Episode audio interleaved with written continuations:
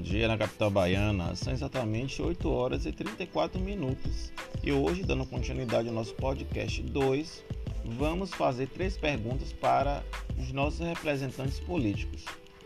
Em relação à BNCC em sua aplicabilidade no Estado do ensino médio, como será? Pergunta 2.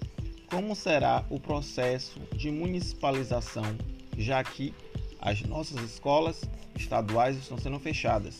Será que o município vai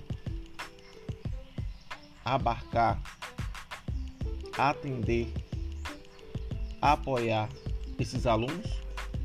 Pergunta número 3. Qual será o destino da educação no Brasil?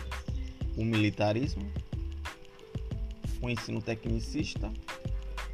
Ou o ensino democrático?